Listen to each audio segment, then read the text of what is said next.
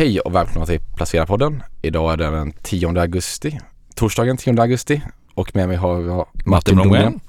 Karl-Hans. Sommaren slut, Ja. känns det som. Tyvärr, ganska, regnig hösten sommar. började snabbt. Ja. Men vi ska snacka om lite somriga bolag. Lite balkongbolag, Ja, lite Sandaler.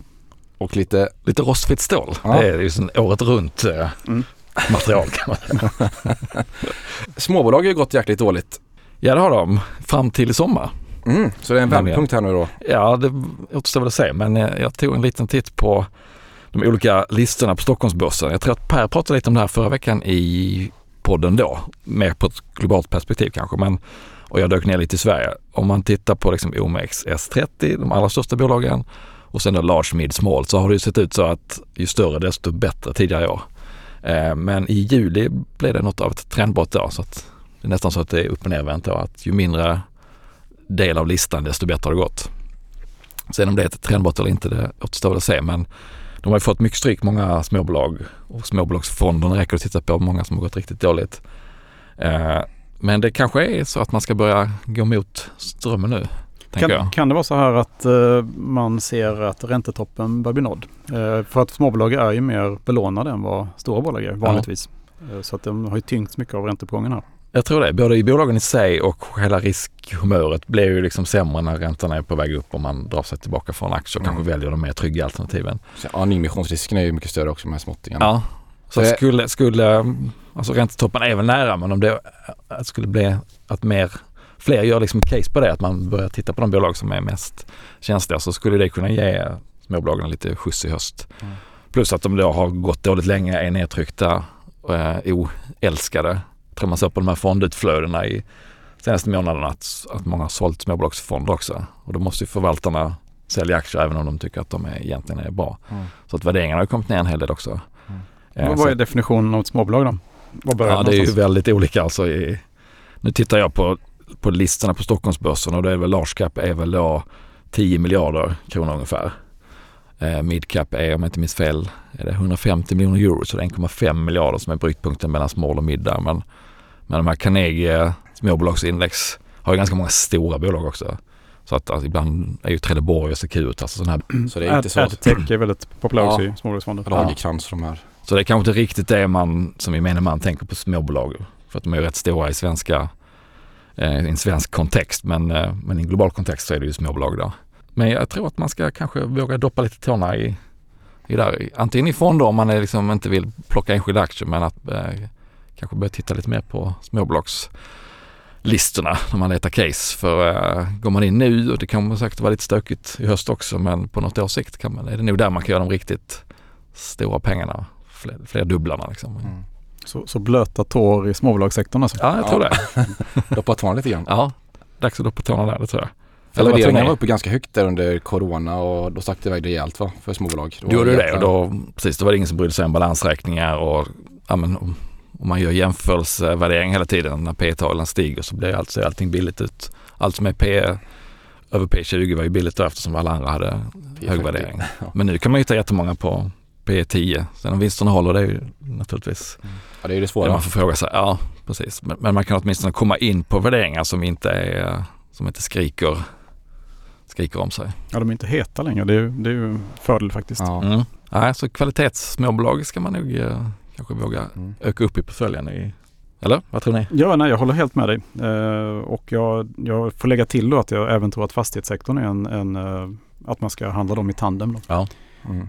Så det är väl det jag själv har liksom, lite grann handlat på under våren här då. Mm. Redan, lite för tidigt då egentligen men eh, småbolag och eh, fastighetssektorn. Ja jag tror precis som du, räntetoppen är nog här och det borde väl gynna de här typerna av bolag. Ja, och när det blir uppenbart då är det ju för sent. Då, då har det redan gått. Så att man måste ju vara lite, eh, det måste kännas lite dåligt i magen när man, Precis. när man går in. Mm. Så att, eh, det tror jag.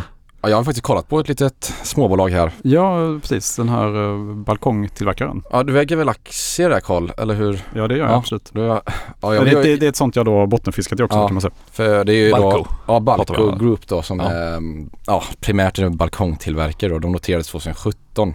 Ja, de först gick de ju ganska bra då fram till toppen 2022 och sen har det varit ganska, väldigt dålig utveckling. De var väl riskkapitalägare också? Och, Ja exakt, de, stack, ju- de gick ju ur sen. Alltså, de största ägarna är Erik Selin och Henrinko. Familjen Henrik. Ja. ja. Exakt, från Jönköping tror jag de har sitt investmentbolag. Eller Ja. Så ägarlistan är ju inget fel på. Det är ju liksom bra att det är riktigt kött och blod. Mm, det brukar vi gilla ju. Det gillar man. Bark Group då, de köper upp också bolag. Det är inte bara liksom att de ja, har sina befintliga eh, bolag. Eh, så de försöker liksom köpa upp i olika segment. Så de har inte bara balkongen utan de har lite fasadtjänster, lite murtjänst och sånt där för att man ska kunna ta större kontrakt. Men eh, som ni hör så kanske det låter ganska kallt nu liksom att Mm. vem fasen vill bygga balkong nu? Och det ser man ju också att orderingången faller, orderstocken blir mindre, omsättningen går ner. Nu detta kvartalet och Q2an så minskar organiska tillväxten med 11 Q2 är ju ett viktigt kvartal för att bostadsrättsföreningarna som är den största kunden i Balk, jag tror 70% av omsättningen kommer från bostadsrättsföreningar. De eh, ja, bestämmer liksom på bolagsstämmorna om de ska investera i balkong eller inte. Och nu i vd-året då berättar hon om att eh, man är fortfarande ganska avvaktande. Mm. Man liksom dröjer på besluten. Och det påverkar såklart orderingången då. Men när detta väl släpper då, jag vet inte, har ingen aning om när, det vet nog ingen. Då borde det bli som kosläpp kan man ju tänka sig. Balkongsläpp. Så, ja, balkongsläpp, exakt.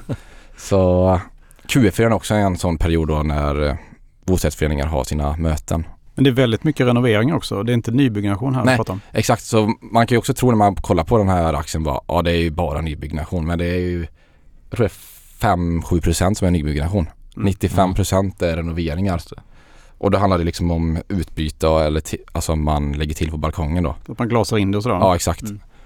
Och det trycker de också på att anledningen till att folk skaffar balkong det är ju dels för att man höjer värdet på bostaden och att det är trevligare att bo där. Eh, men också att man kan, ja nu, det är vad de trycker på då, Balko, att man kan spara 15 till 30 procent energi då eh, på inglasade balkonger. Mm. Så, man kan ju säga att det är lite ESG-case av samtidigt då. omställningen, men, ja. De trycker väldigt mycket på det men sen får man ju, ja det är väl inte det som är riktigt kanske caset nu. Det är väl att det har kommit ner så mycket och att det är ja, relativt billigt nu då. Mm.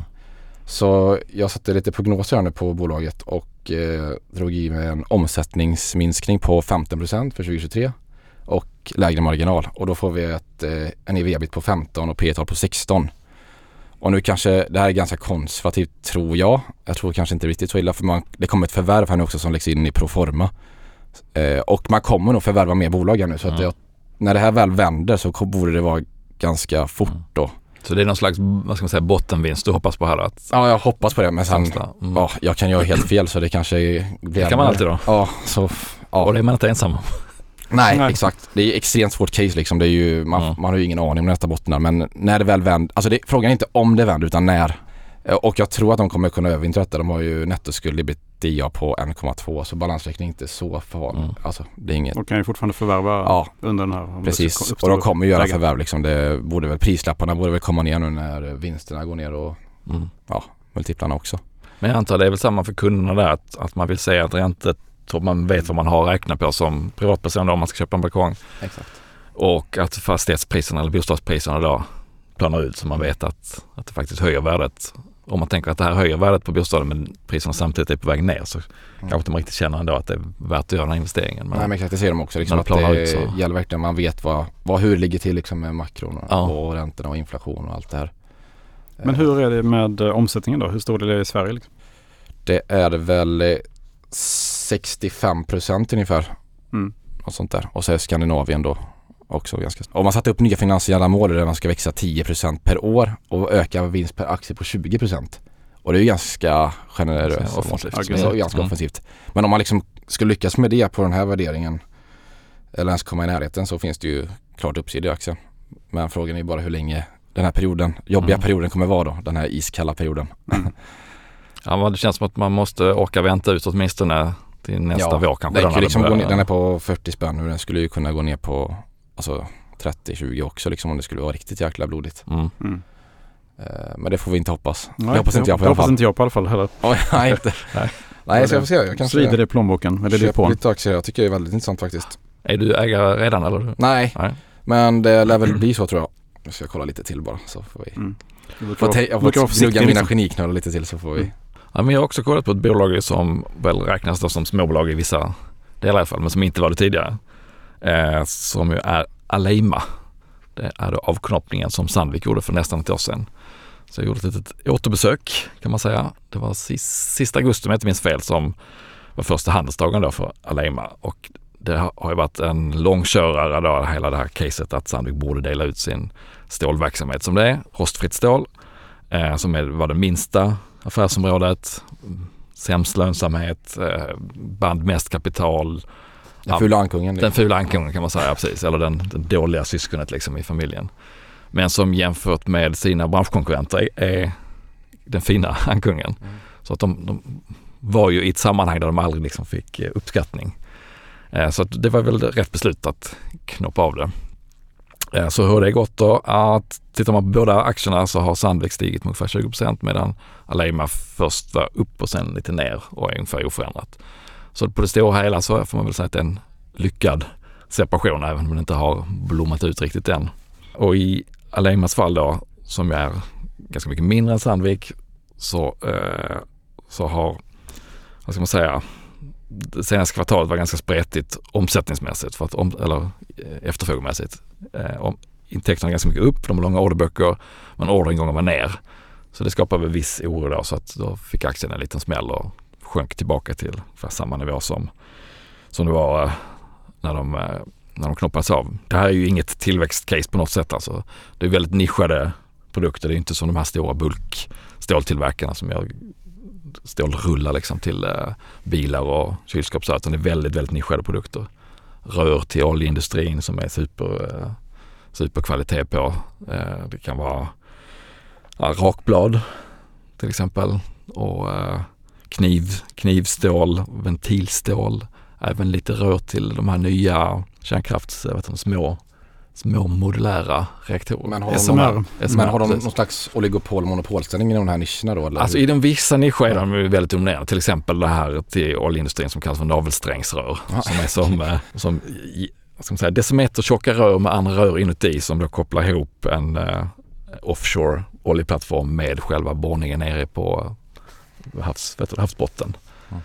Så där, och så lägger man då i en massa ja, ström och all kommunikationsutrustning i de här rören och de får inte knäckas på, på vägen liksom när det händer någonting. Så det är viktigt att de är super, superkvalitet. Så det är en stor del då. Men de, har även, de äger även eh, det här som heter Kantal, ett gammalt fint bolag som gör uppvärmning för uh, industriell uppvärmning på mm, eldrivet till skillnad mot fossildrivet som är ett stort skifte då som sker som, som gynnar dem och de har en del supertunn tråd som används i, i medicintekniska eh, applikationer. Pacemakers och hörselimplantat och sådär. Så att det finns en hel del små tillväxtfickor som är rätt intressanta. Men på det stora hela, om man liksom tittar på konsensusprognoserna framåt sådär, så nu sticker tillväxten iväg för att de har kunnat höja priserna och, och metallprishöjningar gör i sin tur att det lite artificiellt blåser upp omsättningen. Men hur som helst, tillväxten annars är ganska låg. De har ett eh, marginalmål på 9 som de ligger strax över. Eh, och som det ser ut som att de skulle kunna hålla nu. De, de har ju fått se till att bli lite mer eh, flexibla och eh, höja lägstanivån när de inte har stora starka Sandvik i ryggen då, utan måste klara sig på egen hand.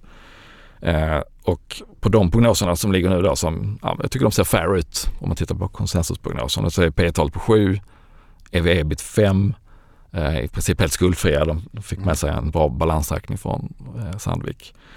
Så att även om det är svårt att se någon sån här jättetrigger som ska få aktiemarknaden att börja älska det här bolaget, för det kommer nog inte att hända, mm. så tycker jag att värderingen har ju kommit ner på en sån nivå så att det behövs inte mycket för att det ska kunna skjuta iväg lite uppåt. Men vad är det som trycker ner aktien så mycket då? Sett värderingsmässigt då? Ja, men jag tror att det är en, det är en sektor som är, de är ganska ensamma i den här sektorn. SSAB är ju lite annat case. Det här är ett litet stålbolag i nischat Eh, och det är inte jättemånga analysfirmor som följer dem. Det finns inte den här jättetillväxttriggern. Så att det är väl liksom lite svårt att, svårt att gå igång på helt enkelt för många ur, ur aktieperspektiv. Men och, går du igång på det? Ja, men, ja lite grann. Ja, det, det märker man nästan. Du, du är helt tyst här i studion. Hör din entusiasm. Liksom. Ja, men jag går inte igång det som på det sättet att, att man pratar om eh, som kanske Balco då som kan bli en utvecklas jättebra när marknaden helt vänder. Det kom, så kommer det inte bli i det här fallet. Men men lite bortglömt och lite nedtryckt värdering gör ju att jag tror att går man in nu så kommer man att kunna göra en, en ganska bra affär till hyfsat låg risk. För det här är ju ändå, det finns ju ett otroligt, uh, en otrolig grund i det här bolaget. Det är ju det som var Sandviks uh, vagga, alltså mm. 160 år gammal eh, expertis inom ståltillverkning och materialteknik som har då tagit in till nya nischer hela tiden och, och är, man säljer 80% direkt till kunderna. Det är inte att det går via distributörer så det visar att man har väldigt som sagt, tät kontakt med kunderna. De kunderna vill verkligen ha de här produkterna och inte någon annans. Så att det finns, jag tycker det finns kvaliteter som inte riktigt, eh, som inte riktigt spelar ut i värderingen. Som man borde kunna, att det ska värderas högre helt enkelt. Mm. Men så är det ju med värdering. Det är, det är sällan det bara händer av sig själv. Det måste komma en bra rapport. Q3 är, är säsongsmässigt inte så bra.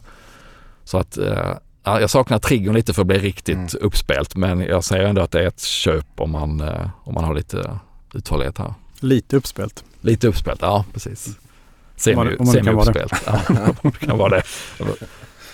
Navelsträng så. Ja, nej, men så att köp, köp på den men förvänta er inte en, en, En rusning. Nej, precis. Nej, inte.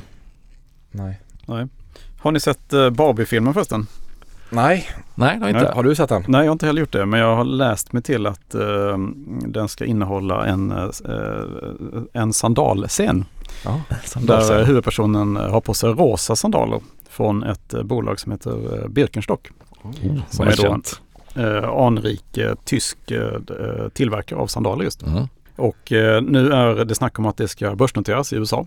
Och eh, till en skyhög värdering på eh, 8 miljarder dollar pratar man om. Och det är på en omsättning då på 1,3 miljarder dollar. Jäklar. Eh, och en vinst förra året på eh, runt 430 miljoner dollar. Samtidigt steg då omsättningen med nästan 30 procent förra året.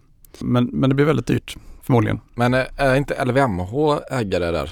Ja, det är mer komplicerat än så. Okej. Eh, det är LVMH och eh, Cat- Caterton eh, som, eh, eller det är LVMHs riskkapitaldel Mm. och Caterton som äger då eh, lika stora delar eh, i ett annat riskkapitalbolag som i sin tur äger då majoriteten i Birkenstock. Och samtidigt då finns det två, en del, liten del av familjen fortfarande kvar som huvudägare också, eh, familjen Birkenstock då. Eh, så att de vill då göra, eller börja göra en exit här helt Mm. enkelt. Eh, och när, har du något datum på den noteras eller någon? Ja, man pratar ju om att prospektet ska släppas i september då. Mm. September, oktober någon gång. Eh, och sen beror det väl lite på hur börsen går gissar jag. Eh, om det blir en katastrofutveckling här så kanske man drar tillbaka det då. Men eh, det här riskkapitalbolaget då från LVM, de, de köpte ju in sig redan 2021, så det är bara två år sedan. Och då var värderingen 4 miljarder dollar på hela Birkenstock. Så att det har ju varit en snabb uppvärdering får man säga. Mm. Åh, jävlar. Men det har blivit ganska poppis Birkenstocks den senaste tiden fattar jag det som. För jag har ju köpt Birkenstocks.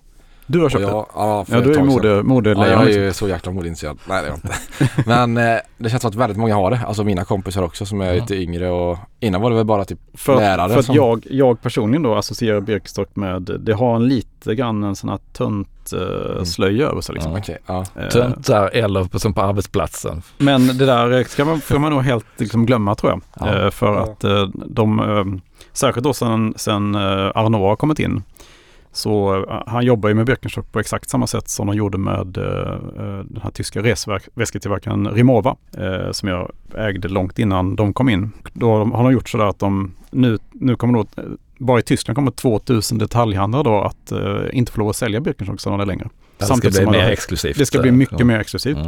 Mm. Man höjer priserna och ja, det ska vara svårt att få tag i helt enkelt.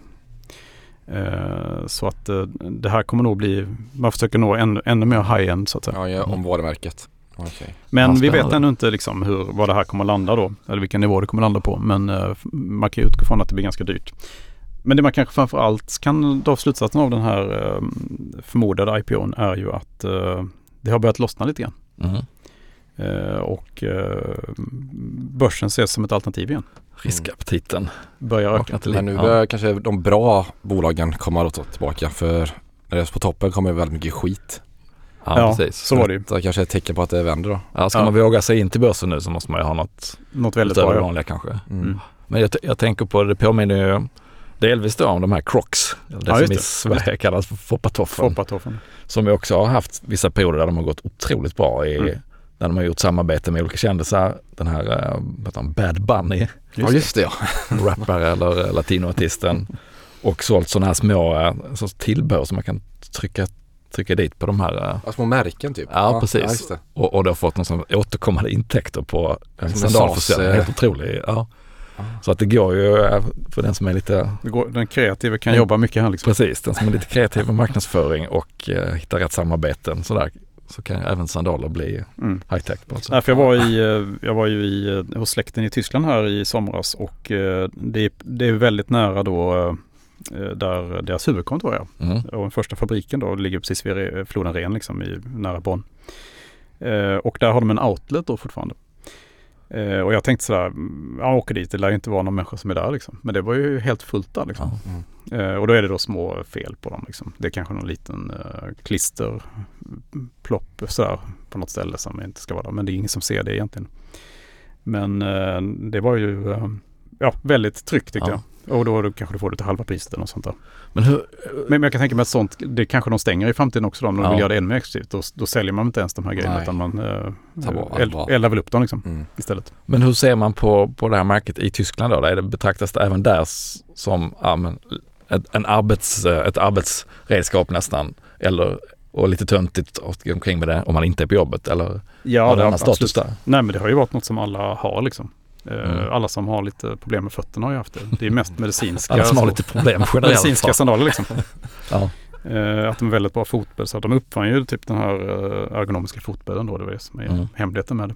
Nej, nej, det är ett var, gammalt företag va? 1700-talet? Eh, Ja, det, precis, det har ju sina rötter då i början av, eller slutet av 1700-talet. Oj. Eh, Och sen har det då ja, utvecklats. Det ägdes ju även av eh, Adidas-grundarna då ett tag på 30-talet. Mm. Men det är ganska intressant med sådana här lite äldre bolag. Jag har ju kollat på den här Lindy-effekten. Ja, just det. Så jag kan bara dra lite snabbt. Men det handlar om att... Eh, Det har inte med dansen att göra. nej, inte den dansen som jag fick höra nu innan podden. Nej. Den, det handlar inte Utan det handlar om att om någonting har funnits en viss tid så beräknas det finnas lika lång tid framöver eller mer. Så till exempel om eh, Birkenstocks har funnits sedan 1700-talet så eh, ökar sannolikheten, sannolikheten att den kommer finnas i ja, 250 år till. Så det är ganska intressant om man tar Mhm. ett företag att om man ska kolla på lite äldre bolag så Aleima, Ja, 160 exakt. år. Alaima, Sandvik, Atlas Copco. Montepaschi i Siena till Mm. exempel. Just det, Ja, världens exakt. största bank. Mm. Ja, det finns ju en anledning till att de har överlevt Mm. länge. Ja, de tränas Eh. liksom i de här miljöerna som är svarta svanarna Mm. som man brukar prata om. Eh, och då klarar de ofta kriser och jobbiga perioder som man, man inte kan förutse. Och det är ganska intressant när man kollar på bolagshistorik och sånt där, hur det har gått. Ja, det blir intressant att se om eh, Birkenstock landar väl. Mm. Det som är lite tråkigt med sånt där är ju att eh, riskkapitalbolag går ju in, de noterar det på börsen för att de eh, vill mjölka ur max ur det så att säga. Mm. Så att det är inte säkert att de första åren blir sådär jättebra liksom. Eh, för om man då ska köpa den på den här kursen liksom, som de vill ha. Utan det är väl snarare en sån man kanske ska ha på sin bevakningslista då och sen köpa om Mm. det, när de har gjort ex, sin riktiga exit. Mm. Eh, och, då, och då gå in liksom Mm. själv. Nej, de kommer förmodligen vara väldigt duktiga på att sälja in den här storyn då som du pratar om lite nu, hur man ska kliva upp i, i värdekedjan och, och sådär för att få ut värderingen direkt istället för att behöva vänta på att det faktiskt händer. Ja. Så att, eh, mm, ja, det blir spännande i alla fall. Ja, det blir det absolut. Men har vi gjort några nya affärer nu då? Under sommaren eller senaste veckorna? Mm, jag har inte gjort så mycket sen jag var med senast. Jag har gjort en försäljning. Jag Jaså? sålde min lilla eh, bevakningspost som jag tagit i Pfizer Mm. i våras eller början på sommaren.